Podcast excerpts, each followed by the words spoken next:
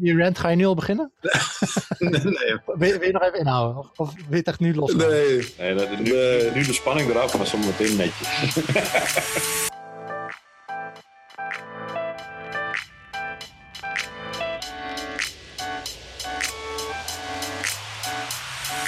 Welkom in het CRO Café aflevering 3. De podcast over data en mensgedreven optimalisatie en het neerzetten van een cultuur van experimenteren en valideren. Ik ben Guido Jansen en in deze aflevering praat ik met Rutger de Groot en Roy Huiskus. Rutger was jarenlang de CRO-expert bij Conrad en is nu oprichter en optimalisatiespecialist bij Mint Minds, een agency gespecialiseerd in datagedreven experimenteren. Daarnaast zitten Rutger en ik inmiddels vijf jaar samen in de expertgroep Revenue Optimization van Shopping Tomorrow. Roy heeft als freelance consultant sinds 2010 voor bedrijven gewerkt als De Bijenkorf, Unive, FBTO, Albert Heijn en Essent en is nu als partner bij MinMind steeds meer bezig met CRO.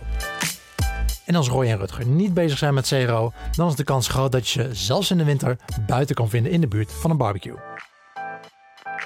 Deze podcast wordt mede mogelijk gemaakt door Convert.com en Effective Experiments en de koffie van Annegien Bruinslot. Dank daarvoor. Roy Rutger en ik hebben het rapport State of the Conversion Optimization Industry gelezen, dat Conversion Excel afgelopen december voor het derde jaar op rij heeft uitgebracht. Hierin staan de resultaten van een vragenlijst met 26 vragen die is ingevuld door ruim 700 mensen wereldwijd. En dat rapport gaan we in deze aflevering ontleden. We zullen proberen de data zo goed mogelijk te omschrijven, maar mocht je de grafieken erbij willen hebben, klik dan op de eerste link in de show notes.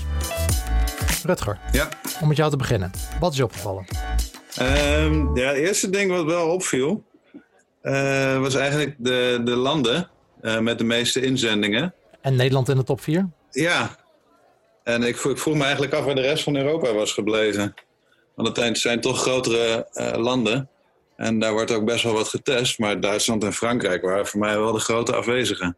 De, de, de VS, daar kwam 31% vandaan. UK kwam 9% van de respondenten vandaan. Nederland 8 en Canada 6. Dat, zijn, dat is de top 4. Ja. En daarna is het India 4%.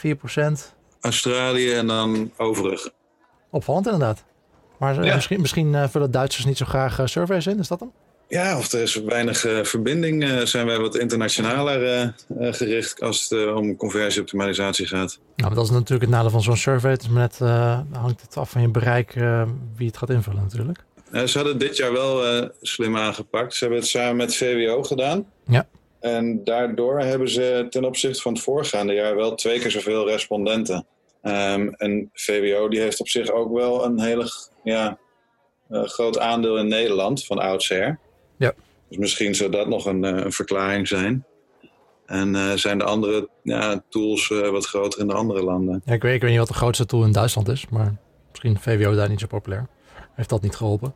Ik verwacht dat het iets Duits is. Waarschijnlijk, waarschijnlijk custom made, Duits. Ja, we zeggen vanwege de eigen data, ouderwetse dataregelgeving die ze daar in het verleden hadden. Zou goed kunnen. Wat had je daar vroeger? Eh, Maximizer Ja, geloof ik. had je daar. En Frankrijk is natuurlijk eh EBT-stieland. Maar goed, dus, dus met deze resultaten moeten we even in ons achterhoofd houden dat dat, dat misschien eh, de data wat schuwt. Ja.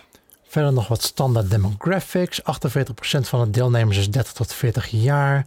Eh, geslacht zal niemand verbazen, ruim 75% man. Maar wat mij wel opvalt is dat het aandeel vrouwen gedaald is van ruim 25% in 2016 naar onder de 20% in 2018. Ja. Ik zou dat denken, of in ieder geval hopen dat door een verdubbeling aan participanten het aandeel vrouwen zou stijgen. Maar helaas, werk aan de winkel voor ons allen. Ja. Eh, om nog een beter idee te geven wat voor mensen dit hebben ingevuld, is ook het type werk dat mensen doen uitgevraagd. Eh 57% doet het in-house en 43% doet het aan de agency kant. En kijken naar het soort bedrijf waarvoor CRO-specialisten werken, dan zegt gek genoeg ineens nog maar 31% dat ze voor een agency of freelance werken. Eh 34% e-commerce, 14% SaaS en 14% lead gen en dan nog een rest. Ehm, en deze cijfers, eh, die splitsing naar type bedrijf, wordt verderop in het onderzoek ook nog gebruikt eh, om surveyresultaten verder te splitsen voor meer inzicht. Ja, ik vind het wel opvallend dat als je later verderop in die rapportage kijkt, volgens mij is er best wel een eh, maturity verschil eh, ten opzichte van eh, eh, bij e-commerce ten opzichte van SaaS en lead gen. Wat voor verschillen in maturity zie je vooral voor, voorbij komen? Ja, ik denk dat we er zo nog wel eh, opkomen. Maar het is met name geloof in eh, proces Mhm. en wat voor soort eh, team. Of dus één persoon verantwoordelijk of, of een speciaal team of verspreid over teams of, of niks. Ja. En ook onderdeel van het eh, marketingbudget. Wat voor platformen mensen optimaliseren? Nou, desktop, mobile, eh, veruit het meest populair. Allebei rond de 80%. Mobiele apps, die valt enorm in. Daar wordt blijkbaar weinig op getest. Het zit op eh eh 15%. Testen jullie veel apps? Nee, nee eigenlijk eh, de, bij ons zien we de stijging juist op, eh, op mobiele sites. En eh, daar zien we wel een verschuiving van, van desktop naar, eh, naar, naar mobiel. Ik zie ook steeds minder bedrijven investeren in, in apps eigenlijk. Eh, dat was eh, vijf jaar geleden wel, wel hot nog. Maar ik zie heel veel bedrijven nu eh, veel meer focus op, op nou, die, die website goed krijgen. Eh, investeren in, in één plek is natuurlijk voordeliger dan wanneer je het eh, moet, eh, moet verspreiden. Maar ook met, met PWA en dat soort technieken wordt dat steeds, steeds Ja. makkelijker. Ik denk dat vo- voornamelijk de, de technologie ervoor heeft gezorgd dat, dat je die shift ziet van apps naar, naar mobiele sites. Dat. En het meten in apps is natuurlijk altijd nog iets ingewikkelder. Omdat je toch met een Firebase of iets dergelijks komt te zitten, wat toch nog wel wat complexer is dan nou ja, een, een, een tag manager installatie, zeg maar, voor het gemak. Ja, maar ook als je ehm, eh, kijkt naar de nieuwe technieken voor mobiele sites. ehm, dat wordt ook complexer om te testen. Want daar zul je ook eer- eerder, denk ik, server-side gaan testen dan client-side. Nou, eens. Dus ja. Ja, ik denk, Maar ik denk- hier moeten we misschien ook wel rekening houden met inderdaad de, de, de, de doelgroep van deze survey. Ik, kan VWO mobiele apps testen? Mm, niet dat ik weet. zeggen. Nee. Ik, ik weet Ja, ze zeggen dat ze een soort van eh, halfbakken server-side eh, eh, opstelling hebben. Maar volgens mij is het niet dedicated. eh, Nee, volgens mij ook niet. een, of dat ze daar een SDK voor hebben of, of iets. Werkervaring. Hoe lang werk je al in CRO? Nou, de grootste groep in ieder geval werkt hier twee, drie jaar mee. Twee jaar zit op 18% en drie jaar zit op 16% eh, van de deelnemers. Dan gaat het rap naar beneden. Kijk, als je nieuwe mensen hebt, ik denk dat dat natuurlijk een beetje de reden ook is voor de verschuiving. Ik- mijn gok is dat van oud zijn wordt het ja, eh, veel jonge jongens die, die wat nieuws gaan doen. Eh, Ja. Die zitten natuurlijk in die groep, maar ook veel jongens die al wat ja, al ervaring hebben in een ander vakgebied en eigenlijk dit interessant zijn gaan vinden. Als ik in mijn netwerk om me heen kijk, de jongens die dit allemaal doen, en dan, ja, met nadruk op jongens, eh, dan zie je toch dat het ja, mensen zijn die al wel tien jaar wat anders gedaan hebben in online marketing en hier naartoe zijn gerold omdat ze dit eigenlijk wel heel interessant vinden en die eigenlijk heel veel kansen altijd zien. Ja, het zijn vaak eh, nou, of UX'ers of eh, front-end eh, developers of eh, eh, analisten die dan hier naartoe groeien. Dan bedoel je eigenlijk jonge jongens in de zin van ervaring. Want nou, leeftijd is het, is Ja, het vrij ervaring, oudere- ze, hebben, ja, ze zijn doelgroep. jong op het gebied van ervaring, maar niet Ja. in- in- ze lopen al wel jarenlang mee op een ander vakgebied. Ja, precies. Dus ze weten al wel wat ze doen en ze rollen er op die manier in. Ik, ik heb toch het idee dat het makkelijker is. Kijk, Er komen weinig mensen van de school af met het idee, ik ga conversieoptimalisatie doen. Ja. Eh, meestal worden ze eerst een of andere channel manager, CA of UX of eh, psychologie. En dan rollen ze er dan in. Ik- als ik, maar dat is even een natte vinger en niet gebaseerd op data. Als ik een beetje rondkijk wat eh, echt nieuwe mensen zijn die nieuw in het vakgebied zijn, dan zijn het heel vaak inderdaad toegepaste psychologen die een management managerrol toegespeeld hebben gekregen in een bedrijf. Waardoor ze die, die rol pakken. En grappig genoeg, ehm, op het moment dat je in de toegepaste psychologie komt, dan zie je ook dat het aantal vrouwen toe gaat nemen. Terwijl bij de UX-hoek en, en de oude kanalen, daar zijn er toch veel al eh, jongens en mannen. Ja, nou, in UX en, en design eh, zijn er ook wel meer vrouwen volgens mij die hiermee bezig zijn ook. Ja, dat neemt wel toe. Ja, maar eh, ja, tenminste, bij de partijen waar ik kom, is het toch nog wel een redelijk mannenbolwerk. eh, moet je Ja. Eh, dan eh, annual salary by country. Kijk, nu wordt het interessant. Wat verdienen we? En daar is het eh, opgesplitst dus, eh, dus naar land. Eh, de top 4, USA, UK, eh, Nederland en Canada. Eh, bij Nederland ligt de top op, ehm, de bedragen zijn in dollars, eh 50.000 tot 75.000. Bij de UK ligt de top een trapje hoger, Eh, sorry, trapje lager, eh 35.000 tot 50.000. Bij de USA ligt, de, ligt het behoorlijk hoger. Zit het tussen de 100.000 en 150.000. Ik vraag me af in hoeveel mensen hier daadwerkelijk een beetje rekening hebben gehouden met het feit dat we allemaal in andere muntjes betalen. Eh, ja, Ik, als ik zo heel snel kijk, dan denk ik dat. Ik, ik gok dat namelijk de UK en Nederland niet zo ver uit elkaar liggen, maar dat ze iets te makkelijk de, de pond naar euro omrekenratio hebben genomen. Ja. En ik vind de Amerikanen precies hetzelfde de andere kant op hebben gedaan, wat dat betreft. En wat de media's liggen, wat dat betreft, qua, qua muntverdeling best wel goed bij elkaar. Eh, zo heel snel kijken. Ja, en, ik denk, het is natuurlijk heel super lastig om dit te vergelijken. Je moet het ook eigenlijk naar koopkracht uh, moet je het bekijken. Precies, belasting, uh, voordelen enzovoort. Um, dus dat is lastig vergelijken. Maar toch wel blijft, als je, als je veel geld wilt verdienen, moet je naar Canada. Dat, Daar komt het eigenlijk op neer. Precies. Nou, als we toch aan het optimaliseren zijn voor veel geld verdienen. Uh, de volgende grafiek gaat over het gemiddelde salaris per industrie. Ja, dan, dan moet je toch bij een SaaS-oplossing gaan kijken, heb ik het idee. Ja. Dus je moet ergens, ergens in-house gaan kijken bij, ik, denk, ik vermoed iets van webhosting, dat soort zaken, leuke tools. En dan wordt het misschien wel het meest interessante. Ja. hoewel de, het gemiddelde ligt eigenlijk ook wel prima. Ja, als je gemiddeld gaat zitten, dan, je, maakt het niet zo heel veel uit. Dat, uh, dan zit het wel redelijk gelijk. Dat is grappig, want bij, bij SaaS is die maturity duidelijk lager. Ja. Zou dat iets met elkaar te maken hebben? Ja, kom alsjeblieft. Ze betalen te veel, ja.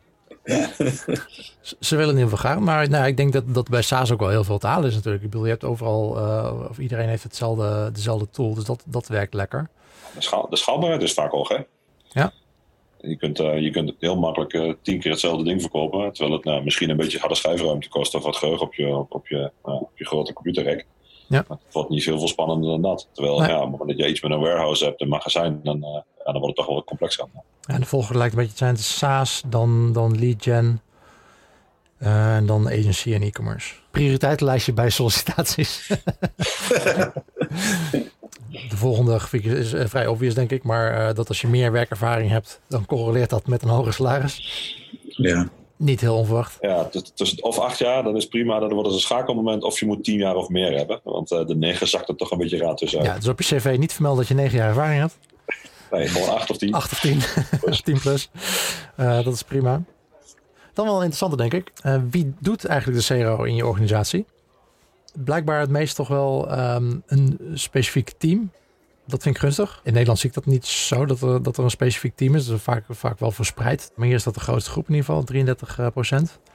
Uh, een enkel persoon is, uh, staat op nummer 2, 29 procent. Nou, dat, dat, zien we wel heel veel natuurlijk. Wat hier alleen een beetje mist, wie doet CEO in je organisatie zijn, nou, als het uitbesteed wordt. Dat, dat is een optie die hier niet tussen staat. Dat gebeurt natuurlijk ook wel best wel veel. Ik denk dat het op zich wel goed nieuws is dat de mensen dat er, die, waar CRO dus niemands ja, verantwoordelijkheid is, die is uh, gedaald met 30% ten opzichte van vorig jaar. Ja, dat is heel goed. Dus dat is wel, eh, wel mooi. En um, ik vind het wel opmerkelijk dat die stijging bij um, mensen verspreid over verschillende teams. Mm -hmm. Ik weet niet zozeer, ik weet niet of dat nou een, een goede oplossing wordt. Ja, want vorig jaar was dat, was dat 17%. Ja. People across teams that are working on zero.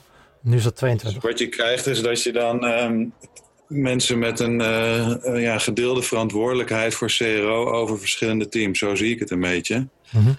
en, en, ik vraag me af of je daar dan um, uh, succesvol mee, mee bent. En wat ik eigenlijk hoop is dat de daling die je ziet bij single dedicated person dat het een beetje heeft bijgedragen aan de, de stijging voor een specific team of people.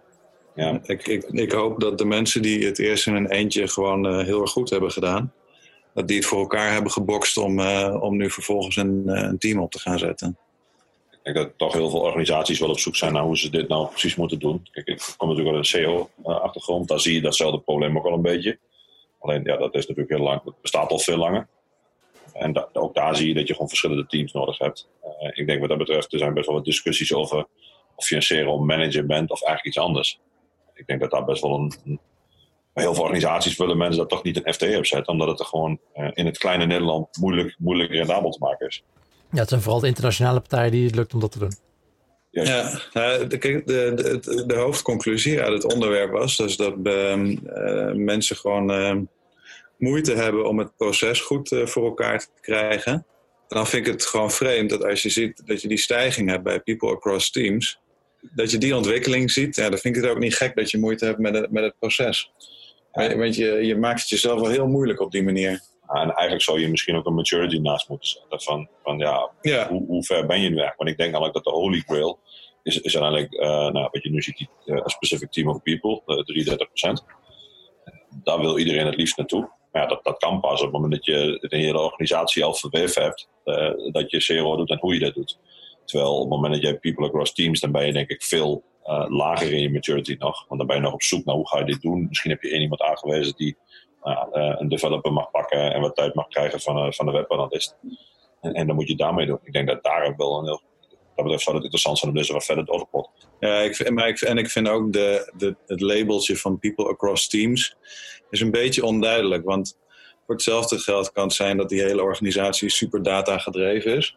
En eigenlijk super goed bezig is. En het kan ook zijn dat het ja, gewoon een, ja, niet zo'n hoge prioriteit heeft. En daarom maar verdeeld is over een aantal mensen. Ja, ja en je, kan, je hebt genoeg matrixorganisaties natuurlijk. Ja. En dan is by definition uh, people across teams. Ja. En een specific team of people, ja, het is 33%, denk dat dat heel goed is. Maar het kunnen natuurlijk ook gewoon twee mensen zijn. Ja. Wie doet de CRO in jouw organisatie? Uh, dat ziet er niet heel anders uit. Wat er bovenuit springt is dat, dat bij agencies dat een specifiek team is. Ja, dat vind ik niet heel gek. How often do you meet people to talk about zero? 15% dagelijks.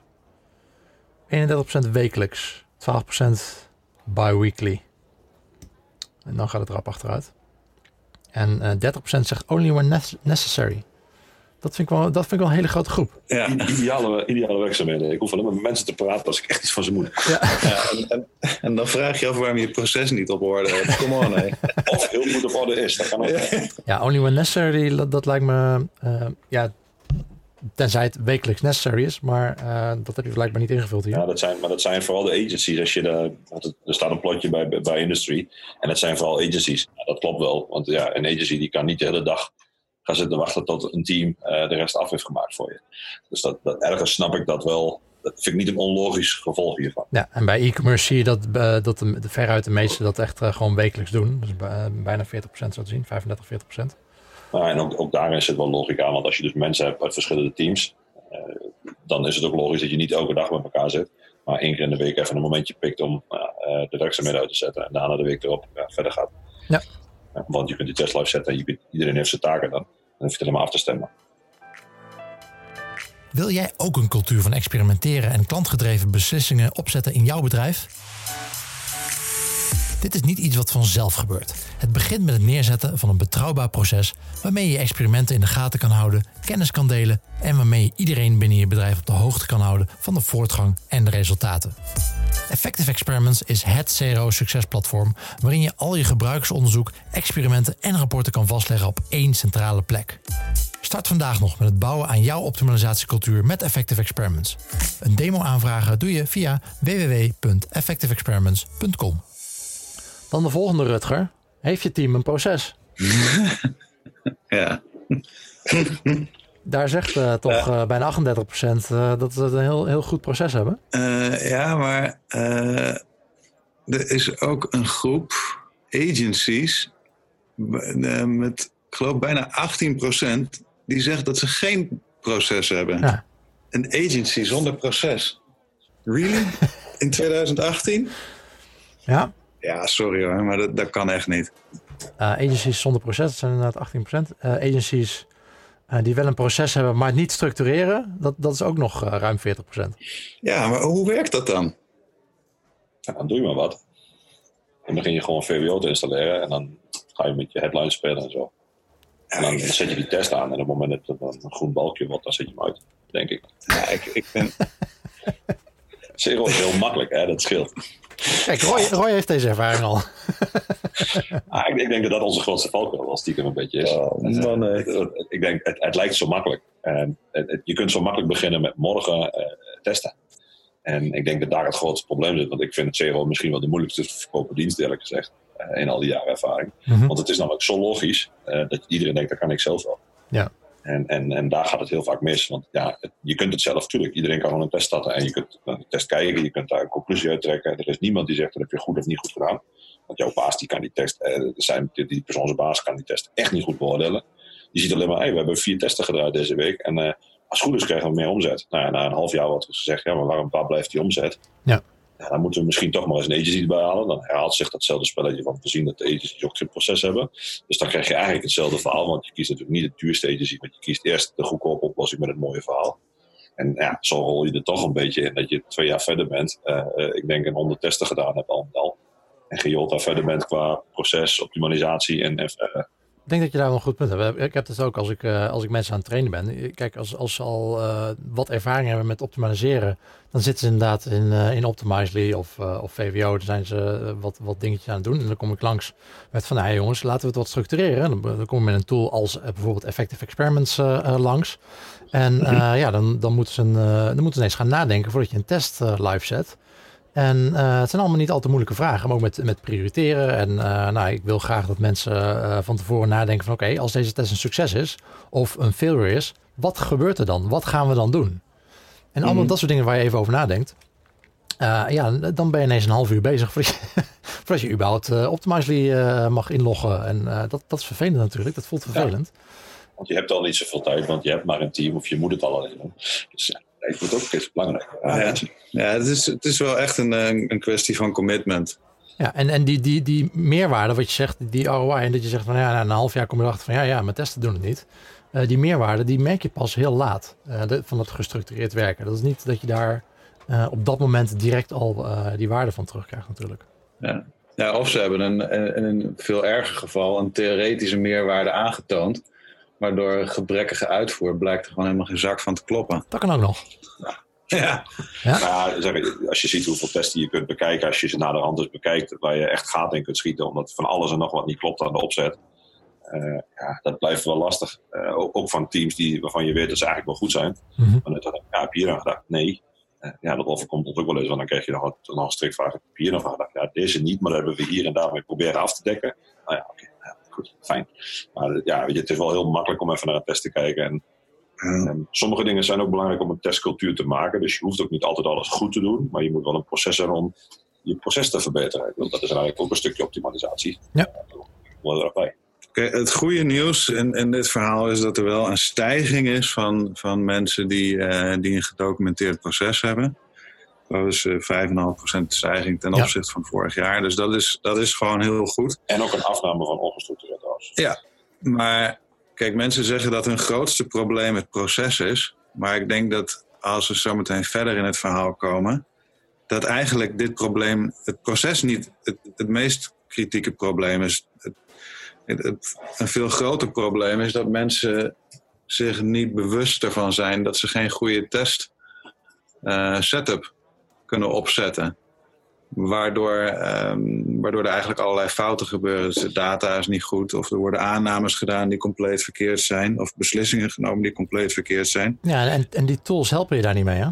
Nee, precies. En als je je niet bewust bent dat je überhaupt je testen niet goed uitvoert, um, dan wordt het uh, al een hele grote opgave om je proces op orde te krijgen. Hoe gaan we dat voor elkaar krijgen, krijgen Rutger? Nou, uh, wij hebben vorig jaar al, of twee jaar geleden geloof ik al, een aanzetje gedaan om mensen via Shopping Tomorrow een goed proces aan de hand te doen.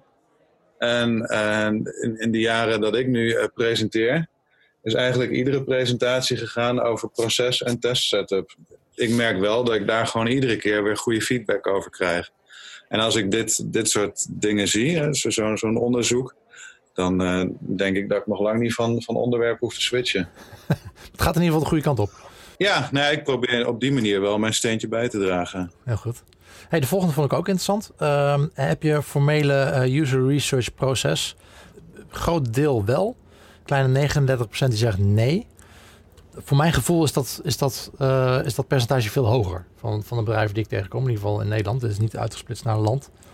Uh, maar heel veel bedrijven die, die nog helemaal niks of bijzonder weinig met user research doen. Ja, ze zeggen niet, ze zeggen niet dat ze het niet doen. Hè. Ze zeggen dat ze het niet, niet een gestructureerd proces hebben. Ja, precies. Fair enough. Ja. Uh, als je kijkt naar de sites die bijvoorbeeld uh, Hotjar uh, hebben lopen, of Mopinion of Usabilla of dat soort dingen, ja. dan, dan denk ik dat we in ieder geval in Nederland wel goed gecoverd zijn. En, en Hotjar eigenlijk sowieso wel wereldwijd, denk ik.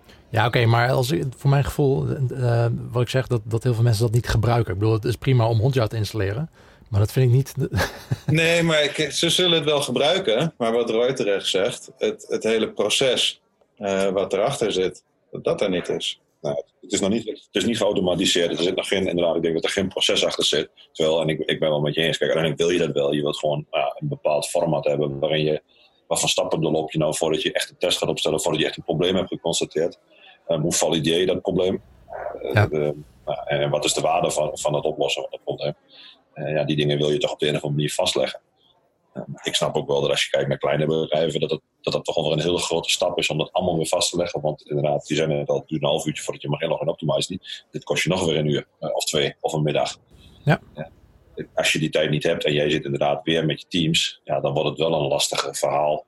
Ehm, maar dat is wel iets wat denk ik groeit. Uh, tenminste, dat, die hoop heb ik van gemaakt. Ja. Dat het iets is wat groeit. Want ja, hoeveel bedrijven hebben nou een dedicated web analyst zitten bijvoorbeeld? Ja, ja, precies. En wat hier opvalt is dat de, de agencies doen het relatief goed. Die hebben, die hebben daar wel een proces voor, voor uh, user feedback, user research. Uh, en juist de SaaS-bedrijven die het hier uh, laten afweten. Ja, maar dat past denk ik wel een beetje bij de aard van het beestje. Want mijn gok is dat de meeste SaaS-bedrijven ook graag het hebben over growth hacking en dat soort dingetjes. En, en, en dat, nou, dat, to be honest, dat staat helemaal wars op een proces hebben. Ja, dat is niet zo, maar zo wordt het wel makkelijk verkocht, laat ik het zo zeggen. Want die doen maar wat, wat uh, basically de, de waarde van de dag is wat leeft. In, de grote lijn is dat we moeten meer omzet binnenhalen. Even heel, heel gechargeerd gezegd. Ja. Nee, ik, ja, ik sluit me bij aan. Ik denk ook vooral bij SaaS dat, het, uh, dat die toch nog wat meer productgeoriënteerd zijn. En dat de development roadmap vaak meer uh, doorslaggevend is dan. Uh, maar ik, ik, denk, nou, ik denk de korte termijn successen vaak. en, en ik denk dat je dat veel bij mensen bij SaaS ziet. Ja, productontwikkeling ook. Ja, ook. Maar ik, ik, korte termijn als in ik moet deze week deze targets halen, want dit is wat ik wil doen. En dan ga je voor een oplossing dat je zo snel mogelijk zo'n target haalt. Mm. Zonder echt te kijken van wat is nou ja, zes maanden op een rij nu mijn succesratio geweest. En, en is het dan inderdaad echt van, nou ja, van 2 naar 4 procent gestegen? Of zijn we dan eigenlijk nog maar op 2,3 procent blijven hangen? Mm. en hebben we wel heel veel mooie cases gedaan, maar is het totaalplaatje niet af? Ja, focus op korte termijn, dat zie ik bij alle bedrijven wel terug eigenlijk. Eens, eens. Maar, maar SaaS dat nog wel iets extra. Ja, precies. Ik ben SaaS en growth hackers, die vind ik daar wel een, een, een excellente doelgroep. Goed. Qua tooling is er ook nog niet zo vreselijk veel. En uh, bijvoorbeeld bij Effective Experiments, wat we uh, allebei gebruiken, daar, daar heb je die, uh, die optie voor user research, die zit er ook nog niet eens zo lang in. Nee, half jaar. Zoiets. Dus we zijn, we zijn denk ik als, als, als, als ja, vakgenoten of branche misschien eerst naar het, naar het testproces gaan kijken. Mm -hmm. en, en kijken dan wel vaak van, nou, we moeten inderdaad gebruikersonderzoek doen. Maar zijn misschien daar pas later aan toegekomen van daar hebben we eigenlijk ook een proces voor nodig. Misschien is dat, um, dat deel gewoon ja, nog gewoon, ja, nieuw voor sommige mensen. Ja, zeker. Dat denk ik ook. Uh, of in ieder geval de, de, nou, de Effective Experiments is in ieder geval die, de tool die dat volgens mij als eerste ook linkt direct aan, aan optimalisatie. Ja. Uh, het nadeel is natuurlijk wel dat als je uh, user research hebt, uh, tenminste, dat was mijn, voor, bijvoorbeeld mijn ervaring bij, bij Randstad. Uh, die hadden een apart user, user, research team. Die hebben een eigen tool, een eigen methodes om dat soort informatie op te slaan en vast te leggen. Ja. ja, dat sluit niet per se aan aan jouw CRO-workflow. Dus daar moet, daar moet een, een matching of een overdracht plaatsvinden.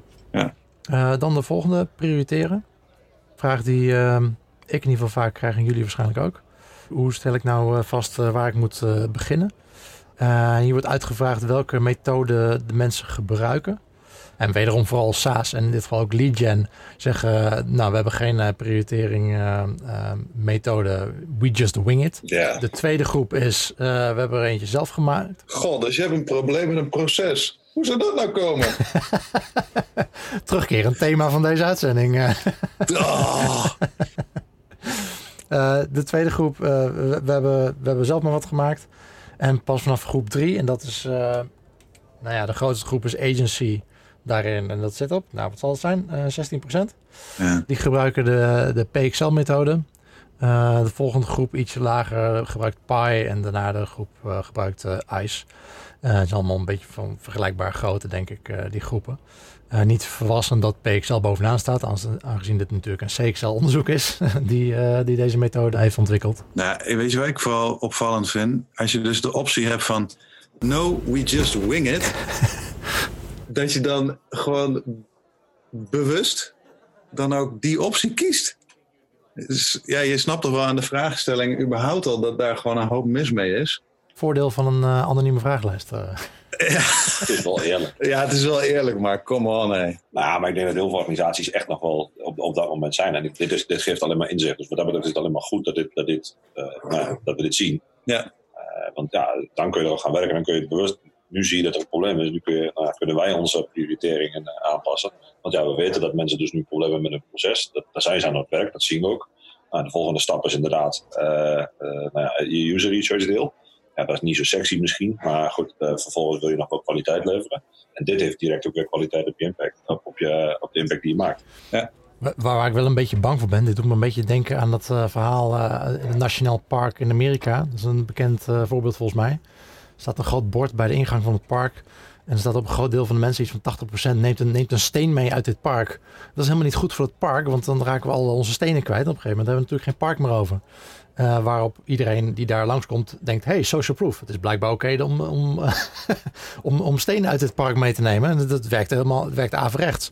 Dat, dat gevoel krijg ik ook een beetje als ik hier naar kijk. Dat, dat nu allemaal mensen denken van, oh, nou, weet je. Ja, oké. Okay. Dat, mensen zeggen van, oh, maar er zijn heel veel partijen die het brengen. ja, oké. Uh, ja, nou ja, goed. Dat kunnen we oplossen. Moet je vragen wat een succesratio is. En dat erbij tegenaan plotten. Ja, precies. Dat, dat is een verbetering voor volgend jaar. Succesratio erbij plotten. En dan uh, kijken wat dat doet. Ja. Hoe worden je resultaten gemiddeld ge genomen gearchiveerd? Resultaten worden geëxporteerd. 43% Staat er niet waarheen niet gearchiveerd, dat is gewoon 21%. En gearchiveerd in de testing tool, dat zal dan een optimizer van VWO zijn. Uh, dat is iets van uh, 27% Ja, dat, dat zal ja. ik het meest laten, denk ik. Maar dat nou, zien we ook, dat neemt ook af. Dus ja, daar ben ik heel erg gelukkig mee. Dat dat afneemt en not archives, dat het ook afneemt. Ja. ja als je het in je testing tool hebt zitten, kun je nooit van tool wisselen. Ja, of ja, kan wel, moet je dan als exporteren. En dan hoop je dat je nog weet wat je gedaan hebt bij de resultaten van die test. Ja, en vaak is het niet eens een fatsoenlijke optie om überhaupt daar je learnings in te, te nou, verantwoorden. Dus, uh, nee, ik, vind, ik ben, hier, hier word ik wel gelukkig van. Het laat wel zien dat we uh, de, op de goede weg zijn met z'n allen. Dan wordt de mensen, de deelnemers gevraagd van uh, welke methode ze het meest useful vinden. Ik weet even niet wat er in de vraag staat, useful waarvoor. Maar usefulness uh, of uh, methodology. Ik gok dat het input was voor AB-testen. Nee, aan de B-test staat op 2. Mm, volgens mij voor optimalisatie. Alles door Optim optimalisatie in het algemeen, ja. ja. ja. Ik denk dat we dan redelijk safe kunnen zeggen dat het wel belangrijk is dat je dan inderdaad wat kunt meten. Ja, op score van, uh, van 0 tot 5. Uh, Digital Analytics staat bovenaan met 4.4. Daarna AB-testen 4.3. Dan UX slash design 4.1.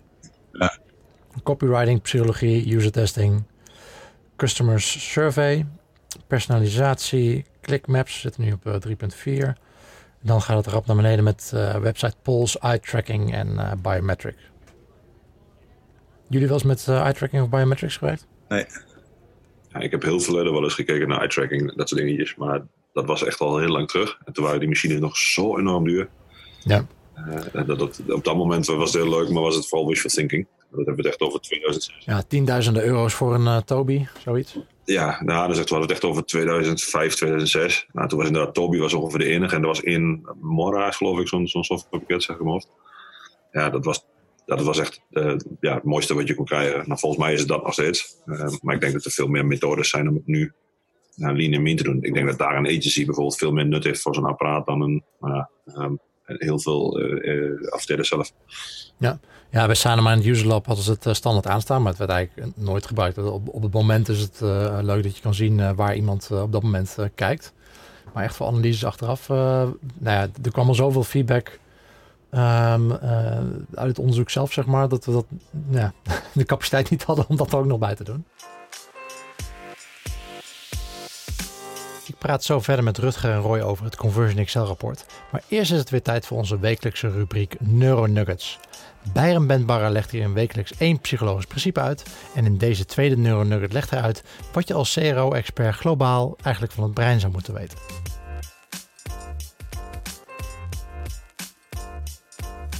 Vorige week hadden we het over de waarde van het begrijpen van gedragspsychologie. En deze week gaan we daarmee aan de slag. En het begint natuurlijk allemaal in onze grijze massa. So let's gain the brain basics. Eerst eens kort wat je als CRO-expert niet hoeft te leren. En hier is je meevaller, de meeste dingen. Namen van hersengebieden, exacte werking van neurotransmitters en functies van breindelen hoef je allemaal niet te weten. Dat is de taak van wetenschappers en academici zoals wij. Wij analyseren en versimpelen de theorie zodat jij kan focussen op de praktijk. En je zou het niet verwachten, maar je hoeft verrassend weinig te weten van het meest complexe object dat de mensheid kent om er baat bij te hebben. Sterker nog, we bespreken vandaag maar drie simpele principes. Hou deze in gedachten bij je volgende experiment en je zal zien hoe handig ze zijn. Principe 1. Ons doel is overleven en voortplanten. Dit lijkt misschien een open deur, maar het helpt eigenlijk enorm als richtlijn. Wij zijn namelijk voertuigen voor onze genen, dus het gaat niet om ons, maar het gaat om onze genen. En voortplanten is ook het voortbestaan van onze genen. En dit verklaart eigenlijk een heleboel van onze basisbehoeftes. We willen namelijk eten, willen drinken, willen slapen, willen voortplanten. En onze focus ligt dan ook sterk op deze elementen. Het verklaart ook onze sociale behoeftes. Je staat namelijk samen een stuk sterker. En daarom zoeken wij ook dingen zoals connectie en status. En onze focus ligt dus ook op dingen die ons helpen om dit te bereiken. Zorg dus dat je jouw product ook op deze manier framet. Het tweede principe is dat ons brein lui is. Het is namelijk 2% van ons lichaamsgewicht en verbruikt toch 20% van onze calorieën en zuurstof. Het is dus een enorm waardevolle tool, maar ook heel erg kostbaar. En dit zorgt er eigenlijk voor dat we lui zijn met ons denken. Willen de minimale moeite steken om een gewoon resultaat te behalen. En dit maakt ons vatbaar voor denkfouten. Daarnaast verklaart dit ook de kracht van gewoontes. Wanneer iets geen moeite kost om over na te denken, dan kunnen we dat echt makkelijk veel herhalen. Dit is dan ook de holy grail voor product. Daarnaast heeft het een heel brede impact. De, onze luiheid zorgt eigenlijk voor veranderingen in onze aandacht, perceptie, besluitvorming, actie en geheugen. Dit klinkt nu misschien nog vaag, maar hier bouwen we de komende weken ook op voort. In essentie, wat wil je nou onthouden? Maak dingen makkelijk. Hoe makkelijker iets is, hoe beter ons brein ermee om kan gaan. Het derde en laatste principe is dat alles relatief is. Ons brein is een associatief netwerk. Alles is met elkaar verbonden. Dit betekent eigenlijk dat wij niets objectief kunnen zien. We zijn altijd beïnvloed door de context. Dit is dan ook bijvoorbeeld waar branding en sponsoring op gebouwd zijn. Het leggen van een positieve link tussen datgene wat je sponsort en jouw product of jouw bedrijf, waardoor mensen een positieve associatie ermee hebben. Wat betekent dit nou eigenlijk voor jou? Dat het waardevol is om te denken in associaties. Waar wil je je bedrijf of jouw product mee connecten? Hoe meer je daar bewust van bent, hoe meer je het ook echt kan sturen. En in drie woorden, context is key. Zo, het zit er alweer op voor deze week. Hier nog een hele snelle recap van de drie principes van het brein die we hebben besproken. 1. Het doel van ons brein is overleven en voortplanten. Zorg dus dat je aangeeft hoe jouw product helpt bij deze basisbehoeftes vervullen. 2. Ons brein is lui, dus hou alles zo simpel mogelijk. En 3. Alles is relatief, dus denk in associaties en weet dat de context jouw boodschap beïnvloedt. Volgende week zoomen we in op iets waar iedere CRO-expert wel eens mee te maken heeft gehad, namelijk frictie. Frictie en pijn. Ja, testtypes, de trends daarmee. Uh, drie jaar geleden 70% uh, ABN testen. Uh, vorig jaar 90%, nu 98%. Dat is een grappig gegroeid. Ja. Dat is een goede, denk ik. Uh, multivariate testen neemt ook wat toe. en bandits, nou dat is sowieso laag, nam weer iets af. Maar ik weet niet hoe significant dat is. Ja, het ligt ook aan de rest van de... Ik denk dat het zijn meer mensen geworden, denk ik. ja. Het punt is alleen dat het in verhouding er niet zoveel is, want het is best wel complex. Ja. Nou, ja, kijken we weer naar alle andere dingen bij elkaar, dan denk ik dat het een logisch gevolg is. Dat er, uh, ja, als je kijkt naar teams, dan denk ik dat bij de testen toch lastiger wordt. Heeft het optimalisatieteam een standaard stopping point voor AB-testen? Uh, 52,8% zegt ja. Nou, dat is het goede nieuws. Ik, ik vermoed, uh, ik mag hopen dat het, uh, het gros daar in Nederland is dat er in Nederland nog mensen zijn die, uh, die dit maar gewoon op de Bonnefoy doen. Uh, van, uh... Ik weet niet, is, is, deze vraag letterlijk zo gesteld? Want je kan natuurlijk ook zeggen van ja, mijn standaard stopping point is als, als mijn AB-test tool zegt dat het significant is. Ja, nee, nee, dat, zou dat, dat, dat, dat is de worst case, denk ik dan. Ja. maar, een beetje trick in deze vraagstelling. Ja. Nou, maar goed, ik, ik kan me wel voorstellen, even het opnemen voor het onderzoek en voor de mensen die daar misschien nee hebben aangeklikt. Kijk, misschien hebben ze wel, zeggen ze wel, um, ja, ik weet van deze dat deze vier weken moet draaien. Ik weet van deze dat hij twee uh, weken kan draaien. Uh, en, en deze moet uh, nou ja, drie business cycles pakken en dat past nog binnen mijn cookie tijd. Ik, ik noem maar wat. Dus dat ze niet een standaard tijd hebben. Eh, maar dat ze wel weten wanneer ze een test mogen stoppen. Dat Ja. zou nog kunnen. Dus die, die, een klein Ik- beetje opnemen voor de groep nee. Ja. Ik hoop echt dat de vraagstelling heel onduidelijk was. Anders dan hebben we toch wel een serieus probleem met z'n allen. Kunnen we, kunnen we de helft van de resultaten gewoon weggooien. Ja, Daar komt het een beetje op neer. Eh, hoeveel testen mensen runnen? Nou, veruit eh 1 tot 2 testen per maand. En, en slechts nou ja, 7%, 8%, 7, 6% die meer dan 20 testen per maand doen. Dat is ook wel heel veel, maar 1 tot 2 testen per maand vind ik wel erg weinig. Ehm, zeker in gedachten, nou ja, ik, ik weet niet wat de succesratio van de meeste bedrijven is. het punt is capaciteit in, in dit verhaal. Kijk, voor, voor agencies die meerdere klanten hebben, die, die hebben dus per definitie gewoon veel meer capaciteit en kunnen daardoor eh, veel meer testen draaien. Ja. En, ehm, en als je gewoon te weinig data hebt, ja, dan, dan houdt het gewoon snel op. Nou ja, dan moet je eerder in de funnel gaan testen. Dat soort dingen kun je dan gaan doen. Eh, er zijn natuurlijk wel methodes, maar wat ik zeg, als, als je te weinig test, de motivatie, het is niet goed voor je motivatie om te weinig te testen. Dat is ook wat ik heel veel eh, terugzie. Als mensen één test per maand doen en je succesratio is eh, know, 1 op 5, 1 op 10, Ja, dan heb je weinig aan je manager Ja. te vertellen over een jaar.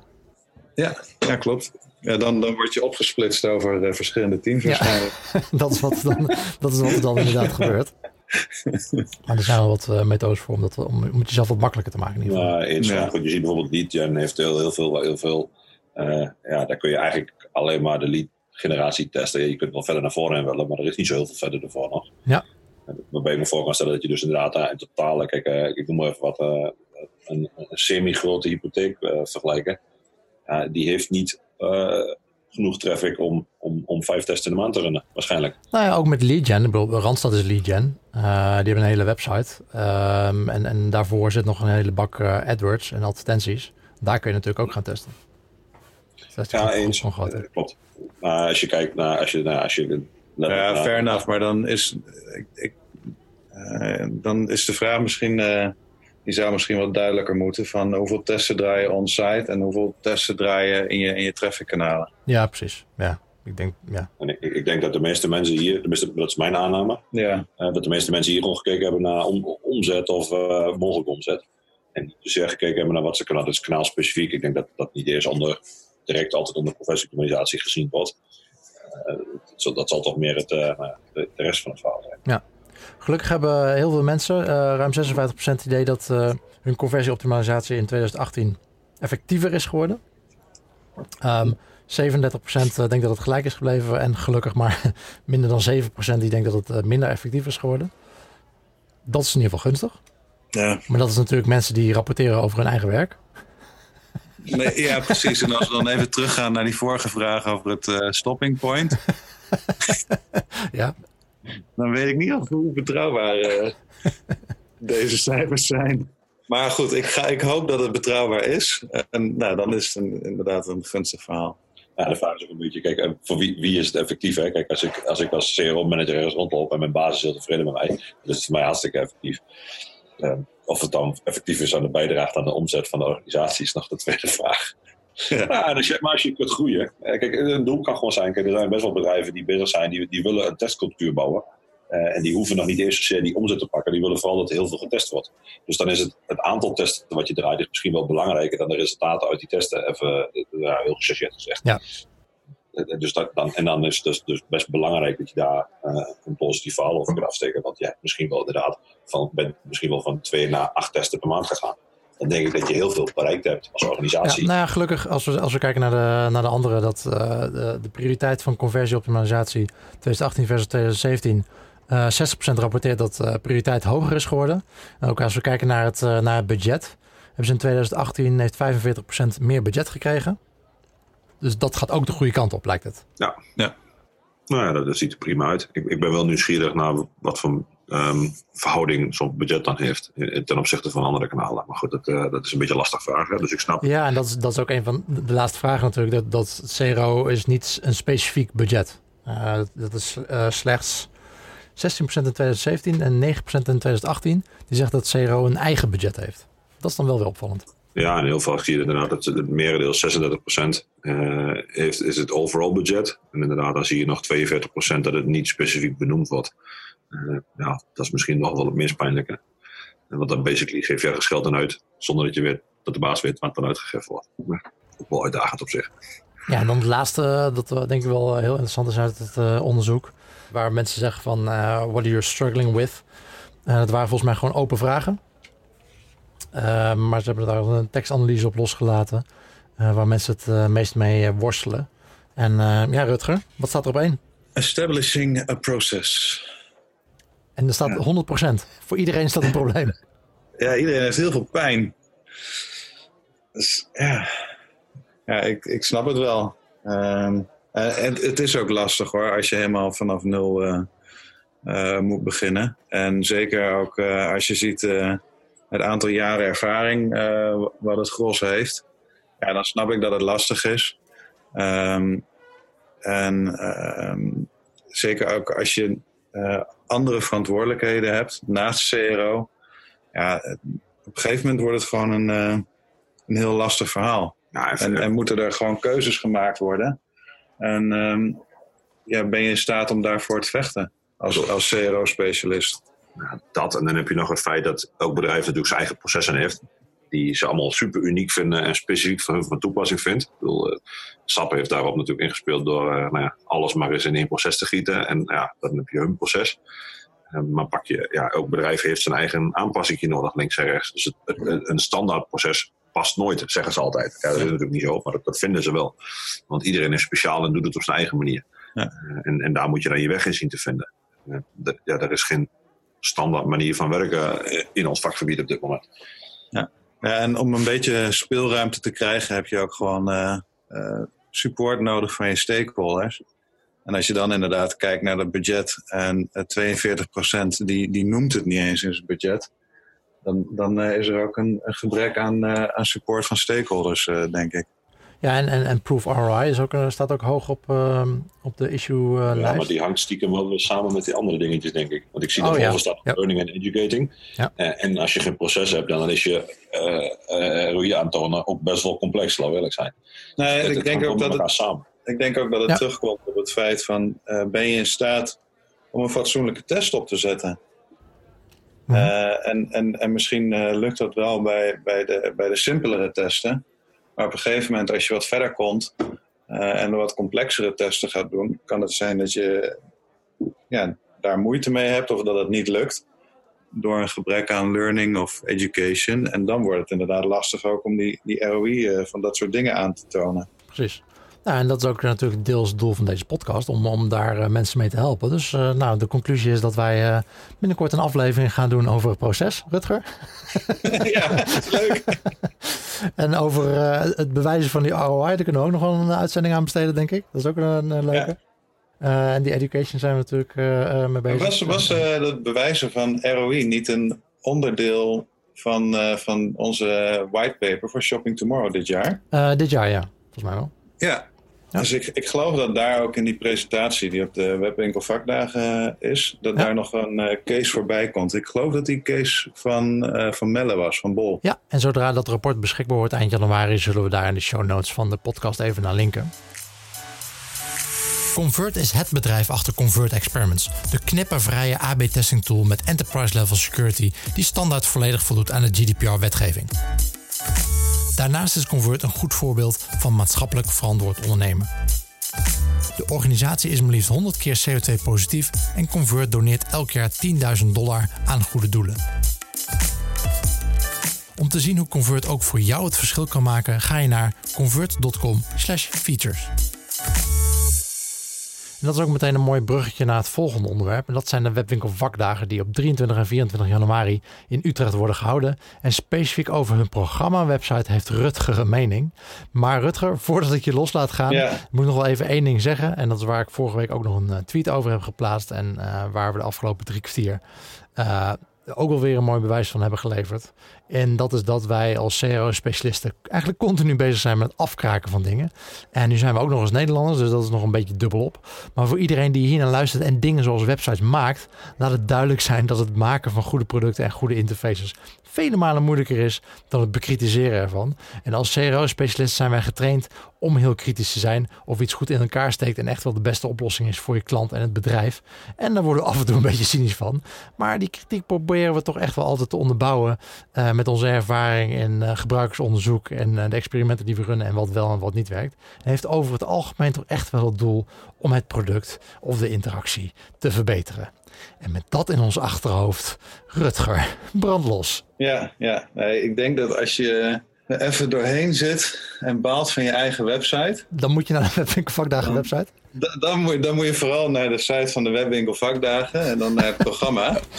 En dan gewoon even een poging wagen om wat leuke sessies uh, uit te zoeken. En dan met name ook vooral even de, de filteropties uh, te gebruiken. Want, want wat ze gedaan hebben, is ze hebben de, de, twee dagen, die hebben ze verticaal uh, gesplitst. Um, en de tijden dus, dus ook verticaal. Maar ja, er zijn dus meerdere sessies. En daar moet je weer horizontaal voor scrollen. Um, dus je hebt, je in, in één opslag geen idee wat waar nou uh, gepresenteerd wordt. En als je dan gaat filteren, dan ja, hoop je meestal dat je dan alleen de opties krijgt te zien die relevant zijn voor dat filter. Maar daar dachten ze uh, in dit geval anders over. Van, we, we blijven gewoon alles tonen we blurren alleen gewoon uh, de dingen ja, die, die uitgefilterd zijn. Die we niet hoeven te filteren. Oh ja. Dus het, het, wordt echt één grote eindeloze zoektocht naar, naar, naar leuke sessies. Als een zoektocht je ding is, dan, dan is het wel heel leuk. Die escape room werkt ook goed, dus wat dat betreft moet het het ding zijn schijnbaar. Ja. Geïnspireerd door Escape Room, dat is het programma van de Webwinkel Vakdagen. Ja, ja lekker, lekker puzzelen. Ik ben de 23e dagvoorzitter van de zaal, dus ik ben benieuwd of er nog mensen komen en of ze uh, krijgen wat ze verwachten in die zaal. Ja, als ze hem kunnen vinden. Precies. Ik geef altijd netjes aan dat op het moment dat ik nog kritiek geef, dan, dan geef ik er nog om, dan, dan, dan wil ik nog wat positiefs veranderen. Dan, dan is er nog ja, dan is er nog een beetje liefde voor waar ik naar het kijken ben. Op het moment dat ik niks meer zeg, dat is het moment dat je zorgen op gaat maken. Want dan maakt het er niet meer uit.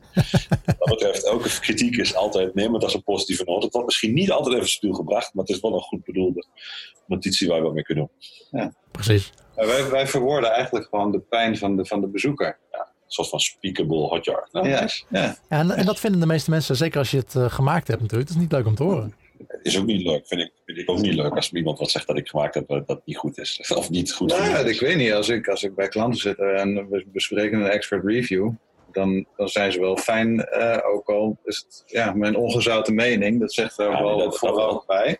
Daar zijn ze wel blij mee en dan ja, hou ik me niet echt in of zo. Ik zie het heel vaak gebeuren bij gebruikersonderzoek. Als je dan een meekijkruimte hebt waar, uh, waar de bouwers zitten of, of de klant zit. En dan heb je op een, op een dag heb je iets van zes mensen die je interviewt. Nou, dan de eerste twee mensen, ja, die zijn gewoon, die zijn gewoon dom.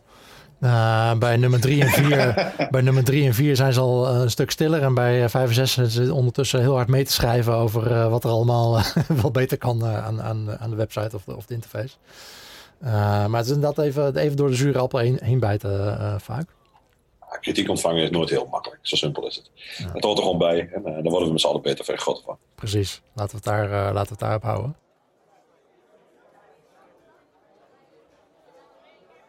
En als laatste, Roy, je had nog een uh, linktip. Iets wat uh, natuurlijk vaak besproken wordt. Is het, spanningsveld tussen uh, SEO en CRO.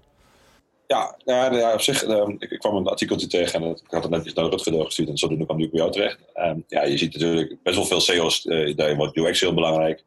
Um, nou, ik kom natuurlijk oorspronkelijk ook vanuit de SEO-wereld.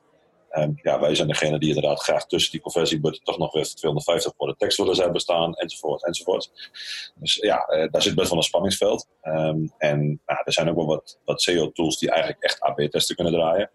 Um, maar uh, dit artikel pleit er eigenlijk voor om ook eens te kijken naar wat, nou ja, als je dan een SEO-test doet, wat gebeurt er eigenlijk met je organic verkeer? Uh, heeft het impact op je organic? Want je kunt wel gaan zeggen, hey, stel je voor, ik, ik volg de conversie met 40%. Ondertussen daalt de, het aantal bezoekers met uh, Google met 80%. Ja, um, aan het einde van het verhaal heb je dan wel of niet meer revenue.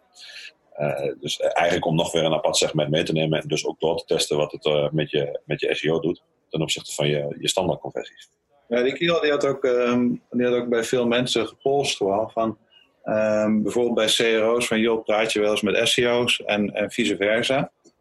En, uh, en, zijn constatering was ook dat, uh, dat het eigenlijk niet zo heel veel gebeurt. En ja, ik, ik, herken mezelf uh, wel in dat beeld. Nou, ik ook, want ik zit natuurlijk aan de andere kant. Dus wij hebben het onderling, Rutger en ik het onderling best wel vaak over wat wel en niet impact heeft. Ja, en heel vaak gaat het hand in hand. maar ja, je ziet, er zijn ook gevallen dat je zegt van ja, heel veel CRO ja, opties zijn toch om minder tekst te tonen, meer formulieren naar voren te trekken, want ja, sneller die funnel in. Ja, terwijl mensen eigenlijk dat lees, dat is dan minder belangrijk, want dat is dan niet voor de lange termijn. Uh, ja, dat heeft best wel impact op je SEO-resultaten. Ja, nou, aan de achterkant zie je het ook gebeuren? Dat, dat er bij SEO optimalisaties plaatsvinden. En dat het dan aan de achterkant of de volgende stap fout gaat. Uh, zeker als je lead gen doet.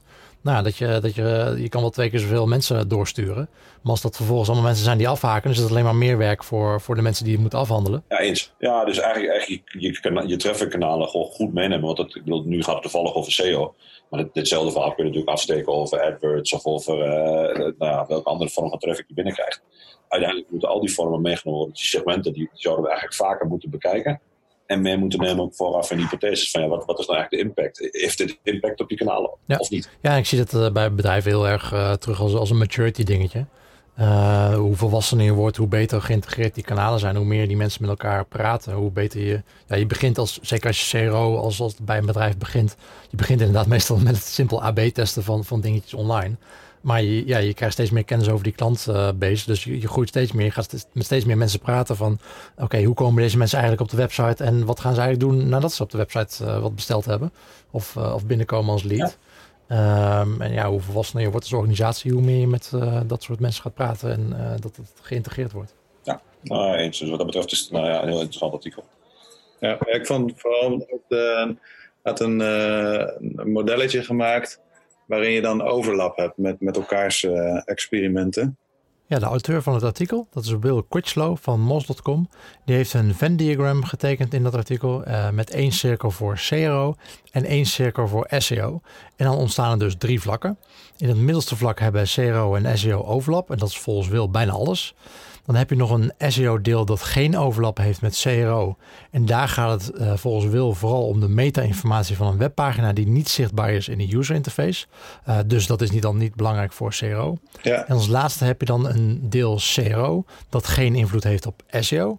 En daar gaat het om de pagina's op je website die niet geïndexeerd zijn, ofwel als jij als CRO-specialist iets aanpast op een pagina en die pagina is geïndexeerd in een zoekmachine, dan zou je dit volgens Wil sowieso met je SEO-specialist moeten overleggen. Ja. ja, bijvoorbeeld als je, dat geldt dan bijvoorbeeld heel specifiek verzekeringspartijen. Um, die hebben toch wel de neiging om sneller naar zo'n funnel toe te willen werken.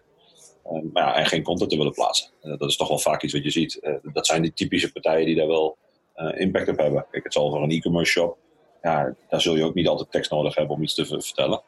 Maar uh, ja, daar heb je wel tekst nodig om met SEO toch te ranken ergens. Uh, bol van je category pages, uh, helaas. Ja, en, en SEO is natuurlijk een stuk goedkoper dan mensen binnenhalen via AdWords. Meestal wel. Dat is wel wezen. Ja. maar inderdaad, ja, dan, dan, zie je dat korte termijn, lange termijn verhaal weer terug. Ja, interessant artikel. we gaan een link in, in de show notes. heren, dankjewel. Ja, graag gedaan. Ik denk dat we elkaar gezien op de Webwinkel vakdagen. Oké okay, dan. Hey, ja, dank je. Doei, doei. Dit was aflevering 3 van het CRO Café met Rutger de Groot en Roy Huiskes. Links naar het Conversion Excel rapport, het SEO artikel dat Roy aandroeg en andere websites en tools die voorbij zijn gekomen kun je terugvinden in de show notes. Laat weten wat je van de podcast vindt, zodat ik deze ook weer beter kan maken. Feedback achterlaten kan in ieder geval in de CRO Café Facebookgroep of via het feedbackformulier op cro.café/feedback. In de volgende aflevering praat ik met Martin van Kranenburg en hebben we het onder andere over de conversiepyramide en de B is mat formule van BJ Fogg en vertelt Martin ons wat hij aan die formule heeft toegevoegd om hem nog beter te maken. Tot volgende week.